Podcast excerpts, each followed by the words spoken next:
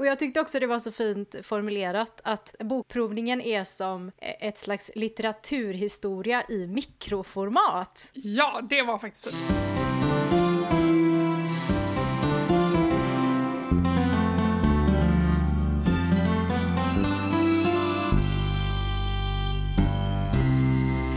Hej! Och välkommen till Barnbokspodden. Det är jag som är Sanna.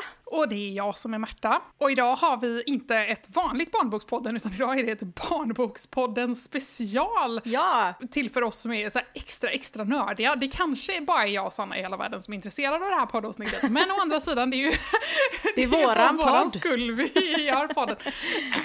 och det är ingen som behöver bli nervös. Nästa vecka så kommer vi tillbaka med ett vanligt eh, avsnitt. Så det här är bara liksom ett extrainsatt eh, nörd-special, Barnbokspodden.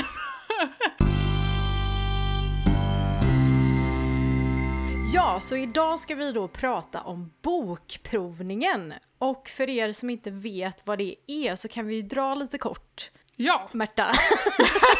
Absolut!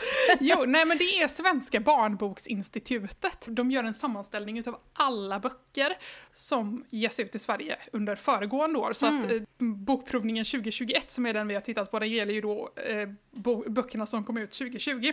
Och då går de också igenom alla böcker för att försöka hitta så här övergripande teman. Alltså så här, eh, är det teman som återkommer och hur många bilderböcker gavs ut detta året jämfört med förra? Så att man tittar liksom på stora trender i, i barnboksutgivningen och det är ju väldigt spännande. Ja men precis, så de bedömer liksom inte enskilda böckers kvalitet eller, eller recenserar eller så utan bara så här, ser till hela utgivningen. Och jag tyckte också det var så fint formulerat att bokprovningen är som ett slags litteraturhistoria i mikroformat. Ja, det var faktiskt fint. Ja.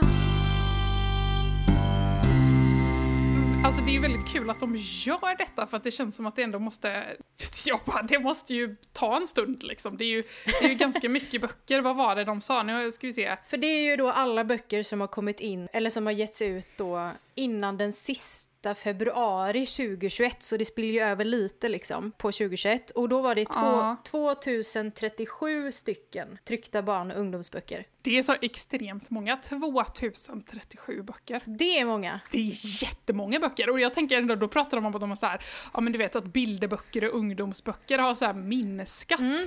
När vi ska sätta ihop våra poddsäsonger här så går vi ju igenom och liksom skumläser förlagens eh, kataloger liksom. Ja. Men det ges ju ut så otroligt mycket böcker och jag menar, vi har ju valt att inte fokusera så mycket på, eh, på exempelvis egenutgivare. Nej. För det är ju, nu ska vi se, jo där, 345 titlar sammanlagt som är liksom på så små förlag så att det förmodligen är typ en titel.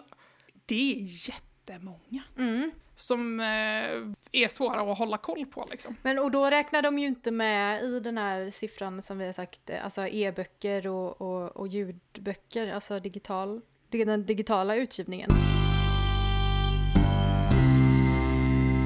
Men ska vi lyfta fram lite delar då som vi tyckte var Ja. extra intressant ur bokprovningen? Vad har vi då?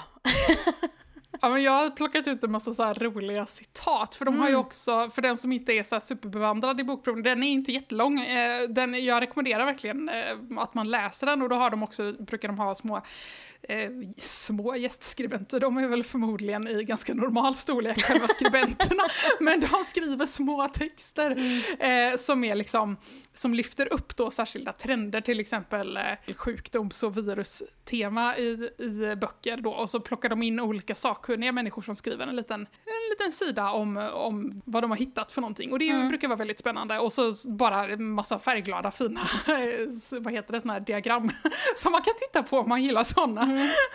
Det jag tänkte på faktiskt, apropå det här med ljudböcker och att de inte har hittat något bra sätt för att, att dokumentera det, var att jag tänkte på att de lyfte upp det här med att det är många som gör alltså, eh, specialskrivna ljudböcker. För jag tänker mig ju ofta ljudböcker att det är liksom så här, ja men du vet, det är en bok som man har gett ut och sen så ger man också ut den som ljudbok. Ja, men Eh, sen vet jag ju att det är många som förlag som alltså ljudböcker för vuxna eh, satsar på sådana som är bara Mm. utgivna som ljudbok.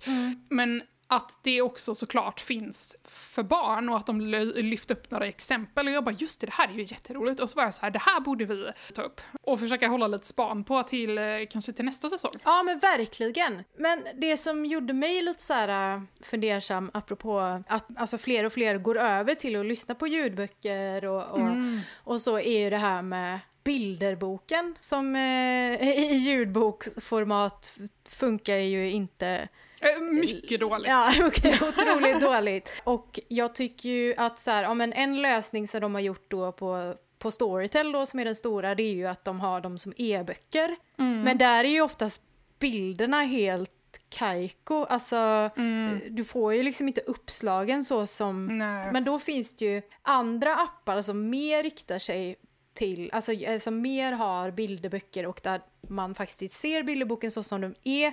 Men också då, vilket jag tycker är viktigt, att de har någon som läser upp. Mm, precis. Så mm. det är liksom en kombination av e-bok och ljudbok. Och det Exakt. tänker jag att det måste ju komma ännu mer. Alltså... Mm, och det tänker jag framförallt att de stora, alltså typ Storytel, att de mm. borde anpassas så att det finns.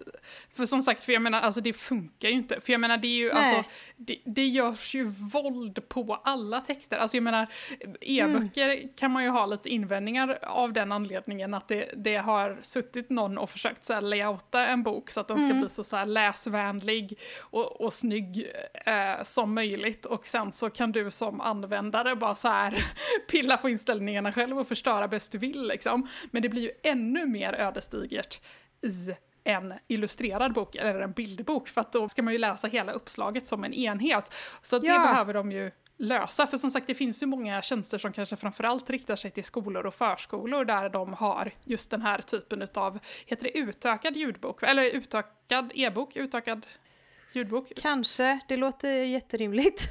Men det som är ännu värre är ju, ja men typ om man till exempel läser Humlan Hansson, min favoritbok. Eh, för den är ju visserligen en bok som funkar att bara lyssna på, alltså mm. bilderna, du måste inte ha bilderna för att eh, tillgodogöra dig boken eller berättelsen. Men där är ju liksom bilderna på något sätt inklippta liksom på mm eh, den bakgrundsfärgen som du har valt, alltså de, de passar inte alls, alltså det blir så jättekonstigt. Så den typen av böcker som har liksom så här, ja men inte är en bilderbok men ändå har bilder, där blir, det, där blir det ännu konstigare. Det är som när man har spelat in en låt typ, ja du måste lyssna på den i bra lurar och, och med mm. bra högtalare typ, annars, eh, och här är det så här bara läs för guds skull inte den här boken som e-bok på Storytel för det ser fult ut. Jag tror inte jag har lyft den i podden innan, men Strindbergs Lilla Röda, boken om boken och typerna av Alexandra Borg och Nina Ullmaja, eh, är en fantastisk bok på mm. alla sätt. Eh, men, men den går ju igenom lite så här typografihistoria och så här i relation till då Strindbergs Röda rummet, vilket mm. är, alltså det är mm. jätte, jätteintressant. Och det finns ett syrligt avsnitt kan vi väl säga om just det här med e-böcker och att de, alltså att det är väl trevligt att det har blivit väldigt demokratiskt att man kan ställa in hur man vill, men det gör ju också också någonting med texten och som... Just det! I en tryckt bok så har ju någon, jag bara i bästa fall lagt sig vinn om att göra en väldigt ja. bra, snygg, läsvänlig typografi och du kan bara slakta den i en e-bok om Vad du vill. sjukt, jag har inte ens tänkt på det så att just att till och med vuxenböcker kan ju bli slaktade på det sättet. Mm. Men det blir ju såklart ännu värre när det är bilder till ja. tänker jag, för att då ska ju bilderna på något sätt, alltså vilken textbit ska de höra till och så, nej jag, usch, jag blir bara helt nervös mm. av att tänka på det. När vi eh, nämner det här med e-böcker och mm. ljudböcker, mm. att det har ju ökat liksom. Mm. Men däremot så har inte förlagens omsättning ökat. Alltså om vi säger så här, det är mellanhänderna som får pengar. Alltså när man mm. läser böcker via de här prenumerationstjänsterna så det går ju väldigt lite pengar till förlaget och då i förlängningen författaren. Vilket jag tycker ändå är värt att ta upp. Verkligen! Nu gör ju alla sådana tjänster på lite olika sätt. Jag vet inte hur det är med att få ut liksom, redovisningen utgivningen och sådär, men, men det fungerar ju i princip så här att du betalar ju dina så 99 kronor i månaden eller vad det nu är mm. du betalar och då delas de ut till alla böcker som du har läst beroende mm. på hhur länge du har läst dem och sådär. En användare som läser väldigt mycket digitala böcker, mm. där blir det ju nästan inga pengar per bok. Det. Så det bästa för, för förlagen är liksom ifall man betalar 99 kronor och sen läser en bok. Summa summarum är i alla fall, det finns mer böcker men det finns inte mer pengar. Och just det där om att alla har, vad ska man säga, bestämt sig för att barn inte läser längre tycker jag är så väldigt, väldigt intressant. För att vi har ju fortfarande den här ganska stora delen, alltså bokkonsumenter ändå. Det är kanske inte de som köper böckerna oftast, men de övertygar sina föräldrar att köpa dem, som är eh, typ tjejer i 9-12 års åldern som verkligen äter böcker. Mm. Jag såg att det var någon som hade eh, uttryckt det som så här, inhaling books at a frightening speed. när det skulle referera till sin egen sån period som jag tänker mig att det är så här, att man nästan snortar böcker liksom. Eh, men eh, som jag tyckte var väldigt talande. Men att det är så roligt upplever jag för att jag har stött på mycket böcker som känns som att den ska trasha på andra böcker för att liksom på något sätt relatera till läsaren. Alltså det är mycket så här typ ja, men så här huvudkaraktärer som inte läser eller som är så här åh, böcker, vad tråkigt. Ja. Och att då är jag så här, mm, men kan du inte du vet så här, vara lite peppande istället? ja, alltså precis, att, ja, Och då tänker jag dessutom att de här, alltså det är klart att det går att nå de här personerna som inte läser och som är så här, åh vad coolt, en huvudkaraktär som inte heller läser, jag känner mig eh, sedd och relaterad till detta, mm. men att jag tänker också att det blir så här konstigt för att de, den personen som är troligast att den läser din bok kommer vara en sån person ja. som tycker att böcker ja. är skitcoolt. Mm. Och att jag är såhär, mm, någon, alltså du vet, nu känner jag ju att jag talar i egen sak här för, för Märtas i 9-12 års åldern, men jag är ändå såhär, mm, men det kanske är någon som vill ska skriva lite böcker för de som läser böcker också. Eller att det är så här. Fan vad sjukt, jag har inte ens tänkt på att man vill liksom, man skriver om saker som, ja men exakt som inte handlar om böcker och trashar böcker böcker för att folk ska läsa böcker. Exakt, känns inte det kontraproduktivt? Att man är liksom så, åh böcker är tuntigt, bara, ja, ja men kan vi inte typ så här, alltså inte för att jag säger, ja, det kan ju bli askrystat ifall man ska så här, göra böcker coolt, ja, men jag nej, tänker men... att böcker har ju ändå, alltså det behöver ju inte vara tuntigt. Eller jag tänker att det är, en, det är en ganska skadlig stereotyp om det här med böcker som tuntigt liksom. Jo, de pratar ju om det här med teman och så här, mm. det tyckte jag var väldigt intressant. De har liksom en, en sammanställning av de vanliga, vanligaste typ temaorden. Mm. Eh, ämnesord kallar de det. Mm. Vänskap, förmänskligade djur, familjen, skolan, magi, kärlek, mor och farföräldrar, hundar, syskon, djur, övernaturligt, hästar, vardagsliv, lek och fotboll är de vanligaste eh, ämnesorden i, eh, i hela utgivningen då. Ja, i hela utgivningen, ja just det. Ja men för leken pratar de ju om mycket i den här bokprovningen, alltså som en, ett tema som alltid har funnits med. Men också så tar de ju upp dels att typ eh, böckerna inte riktigt har följt med tiden. Att så här, det är inte så mycket lekar med digitala mm. prylar, så här, tekniska prylar som mobiler och surfplattor och ja, datorspel som vi kommer prata om i, i nästa avsnitt. Alltså leken ska vara den analoga, vackra, mm. romantiska, springa runt i skogen-leken. Mm. typ. Men värt att notera skriver, för det är ju då, ja men det är eh, Emilia Hellberg som har mm. skrivit här, att eh, det är väldigt många vuxna nu som deltar aktivt i lekarna. Mm. Men det tänker jag kanske också är sådär, om att det är liksom en känga mot samtiden, att föräldrar mm. inte deltar aktivt i lekarna. De sitter och scrollar Facebook. Men alltså det bästa var att jag tänkte på det, var det alltså jag bara tiden går fort när man har roligt eller när man är i karantän eller vad det nu är. Men jag tänkte säga vad det för förra året måste det ju vara då, för att det var ju inte under corona som det var, käpphästtrenden var så himla stor. Minns du detta?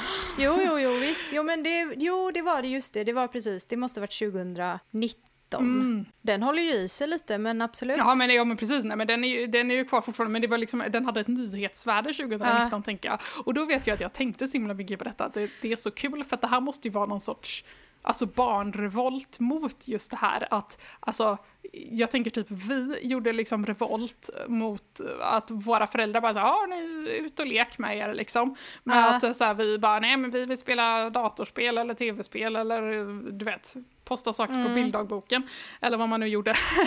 Men eh, medan typ dagens barn är så här bara, nej mamma och pappa sitter bara och så här scrollar på sin telefon, vi ska fan ut och leka.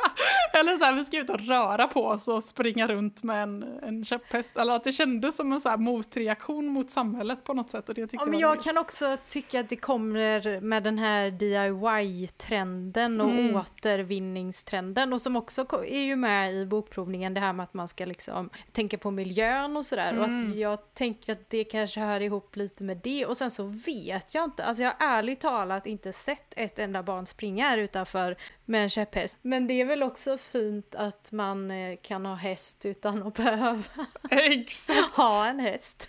ja, men det var tydligen många som ändå jag har sett på Instagram som har alltså både häst och käpphäst. Liksom. Åh herregud. Alltså det, det, liksom, det behöver inte vara ja. så att man, man har käpphästen som, som eh, vad heter det, eh, surrogat liksom, utan att man, man de kan samexistera. Man kan tävla i både käpphästhoppning och liksom hästhoppning. Jag kommer min kompis sa precis innan hon skulle få barn så här, och började liksom föreställa sig liksom hur hur det här barnets liv skulle se ut och hon bara den enda sporten som mitt barn inte får ägna sig åt det är käpphäst. käpphäst Nej, det tyckte jag var tråkigt. jag var okej. Okay. Jag ska bara köpa en käpphäst till honom. ja, gör det. Det tycker jag. Jag tycker att vi startar ett upprop här nu. Hashtag köp Sannas kompis barn en käpphäst. Det blir en jävligt lång hashtag. Men apropå eh, de här temana i alla fall, så mm. konstaterade de att eh, alltså, historiska teman minskar, eller att man, det är ofta så väldigt så här, vad ska man säga, en hybridvariant, alltså där det, man har med historiska inslag, men det är ofta genom att man hittar typ en dagbok eller brev eller så här från förr i tiden, eller att det finns mm. liksom någon sorts parallellkoppling så. Men då, då tyckte jag att det var så himla kul, eh, den här nattkorpen, den kom ju inte förra året, utan den kom ju i år då, men att det var så himla roligt att Johan Rundberg faktiskt har, eh, är så här, nej men nu, och natur och kultur också tänker jag, att du har verkligen så här storsatsat på att nu ska vi ge ut en, en ordentlig jäkla historisk roman här som mm. bara utspelar sig historiskt. Och jag var såhär, men det är faktiskt lite kul. Ja, det ska bli intressant att se. Då kommer det ju komma nästa år då. Nu har det gått upp igen! Exakt, med en hel titel. det är förmodligen inte den som ger så tungan på vågen, men det är faktiskt intressant också med den här bokprovningen, apropå att alla böcker, alltså de, de räknas ju Eh, oavsett men till exempel hur, hur stor försäljningen har varit eller hur stor upplaga de har tryckt eller hur mycket marknadsföring de får eller så här, så det, alla böcker räknas ju lika på det sättet vilket är liksom intressant. Men också så här då, för, för att alltså, så fort corona kom och första boken om covid släpptes, vilket mm. ju var bland annat en bok på Idus som heter Klara och viruset, jakten på toapapper av eh, Eh, Lisa Schermander och eh, illustrerad av Emily Salomonsen. När den kom ut, alltså då började i alla fall jag tänka, aha, bokprovningen nästa år. Liksom, det kommer mm. komma fler böcker och det kommer tas upp. Och då tänker jag så här, kan vi redan nu urskönja någon slags, eh, vad vi tror att eh, bok bokprovningen kommer ta upp nästa år. Oj nej, säger jag. Jag har ingen aning. Men det roliga med det är ju att det är många förlag som har typ en eller två års, alltså produktionstid för en bok. Ja, för att vet, mm. det ska, så här, manuset ska ju antas, så ska du ha en redaktör och så en illustratör om du inte illustrerar själv och det ska gå mm. jättemycket runder fram och tillbaka och du ska ha liksom, ja men du vet, det, det, en, det tar mycket tid liksom. Så att jag menar det kan ju ta en till två år och, och färdigställa en bok. Mm. Eh, och att det är ju så roligt då att de uppenbarligen har lyckats så här bara, nu jäklar. Ja för det står ju också här som en liten parentes typ att det finns troligen böcker som skrivits innan mm. pandemin som liksom kom ut och då liksom ja, men fick en lite större aktualitet. Ja, och de nämner ju också att det är många som eh, alltså, tog och återskav gamla böcker som hade ett liksom, bakterie, virus, sjukdomstema. Mm. Den trenden skulle eventuellt kunna fortsätta i år, för jag tänker den här förvildade boken, jag var ju lite inne på att den kanske, att de liksom har fiskat upp den och översatt den just för att den har ett virustema, så att jag tänker att det kan ju ha kommit ut fler böcker detta året på virustema, för att dels så fortsätter ju pandemin, och så är det ju, eftersom de, många böcker har en, en lång produktions distributionstid så finns det ju så möjlighet att de släpps nu istället. Ja, men jag tänker också att då kanske fokuset flyttas lite alltså till vaccinering. Alltså nu är mm. det stora grejen att prata om vaccin och rädslan för att... Att Bill Gates ska mikrochippa folk! Ja men exakt, ja men exakt. Eh, vilket jag ser mycket fram emot vad mitt mikrochip kommer att dela med sig av till eh, Google eller vad det nu Förmodligen inte mer än vad din mobiltelefon redan gör. Men jag vet att ingen kommer ju lyssna på det här om ett år så vi kan ju lika gärna spåna lite. För jag tänkte också det här med, tror du inte många också har blivit så sugna på att eh, typ gå ifrån lite det här linjära berättandet, alltså inte alla men det här med boken som inte ville bli läst, ja, den är lite det. så här wow, man leker lite med hur man läser boken och det här kom dagen, kom natten som är som ett stort dragspel mm. av sidor som vi har pratat om eh, som var August, Augustprisvinnare Eh, att det kanske Nej, kommer lite... nominerad var den. Nej, den var nominerad var den. ja, ja, alla är vinnare i mina ögon. Nej, ska bara. Ja. Nej, men att det kanske kommer komma lite sådana roliga grejer. Ja, bägge de titlarna var ju med i, eh, vad ska man säga, den här bokprovningen. Så mm. det är ju om någon äh, kämpar vidare med samma, samma koncept. Mm. Det får vi se. Sammanfattningsvis i bokprovningen så verkar det ju vara så att antal översatta titlar minskar i nästan alla eh, kategorier, förutom faktaböcker och tecknade serier. Och det beskriver de som att förlagen anser att det är väldigt hög kvalitet på de böckerna som faktiskt skrivs av svenska författare. Mm. Och att det är enklare för alltså författarna att ha liksom en nära relation till eh, alltså de ungdomarna som mm. man ger ut till. Och så står det också att de böckerna som översätts från engelska då till mm. svenska, vilket är det vanligaste språket att översätta från, att det är många ungdomar som föredrar att läsa på originalspråket. Exakt, och det var ju väldigt intressant och de pratade också om att det var liksom krångligt och svårt att motivera en sån, alltså, en, alltså kostnaden för översättningar och sådär. Och, och det tyckte jag var så mm. intressant för att jag har ju alltid tänkt mig att det är billigare att översätta. Ja, så att jag var helt så, jag fick inte riktigt ihop det. Men, men det var intressant för det var ju eventuellt då en, en nyhet för mig att det faktiskt inte nödvändigtvis är så. I början när jag läste så kände jag bara, men gud vilken bransch är jag i och gud vi måste göra någonting och gud jag kommer ju aldrig kunna ge ut en till bok så här, om man ser hur så här, det blir färre och färre böcker utgivna och då tänker jag att det är färre och färre som får chansen. Men om man ser till, alltså de drar ju en jämförelse med 1993. Mm. Där snackar vi uppåtkurva. så att eh, om man jämför sig med 90-talet så är det frid och fröjd. Ja, men och de hänvisar ju också till att det har funnits en viss överutgivning, alltså att det har getts ut väldigt mycket titlar men som man inte har tryckt så många av liksom. Mm. Eh, och att det är den man på något sätt har, alltså börjat från förlagens sida alltså, göra sig av med. Liksom. Så att, ja men som sagt, jag vet inte, för det beror ju på vart man står. Är man en, en författare som uh, försöker debutera så tänker jag att det är ju tråkigt om de liksom... Ja! För jag tänker att det kommer ju bli då att man vill ju satsa på bara de här böckerna som man känner att man kan verkligen marknadsföra. Men har man väl då fått debutera så kanske man får mer marknadsföringskärlek. Eh, Monetär kärlek från förlaget. Eh, för jag läste ju också att eh, det har ju skickats in fler manus än mm. någonsin till förlag. Alla som har varit covid hemma ja, har exakt. tagit tag. De har varit så nära det här brännande gamla manuset i skrivbordet alldeles för många dagar. Och plus att jag tänker att man vinner en timmes pendling liksom, så man bara shit nu har jag en hel bonustimme varje dag, vad ska jag göra med den? Och bara jo, men jag sätter mig och skriver lite. Jag ska bli barnboksförfattare, wow! Och absolut, fan satsa på det, det är skitkul. Egenutgivningen har ju minskat.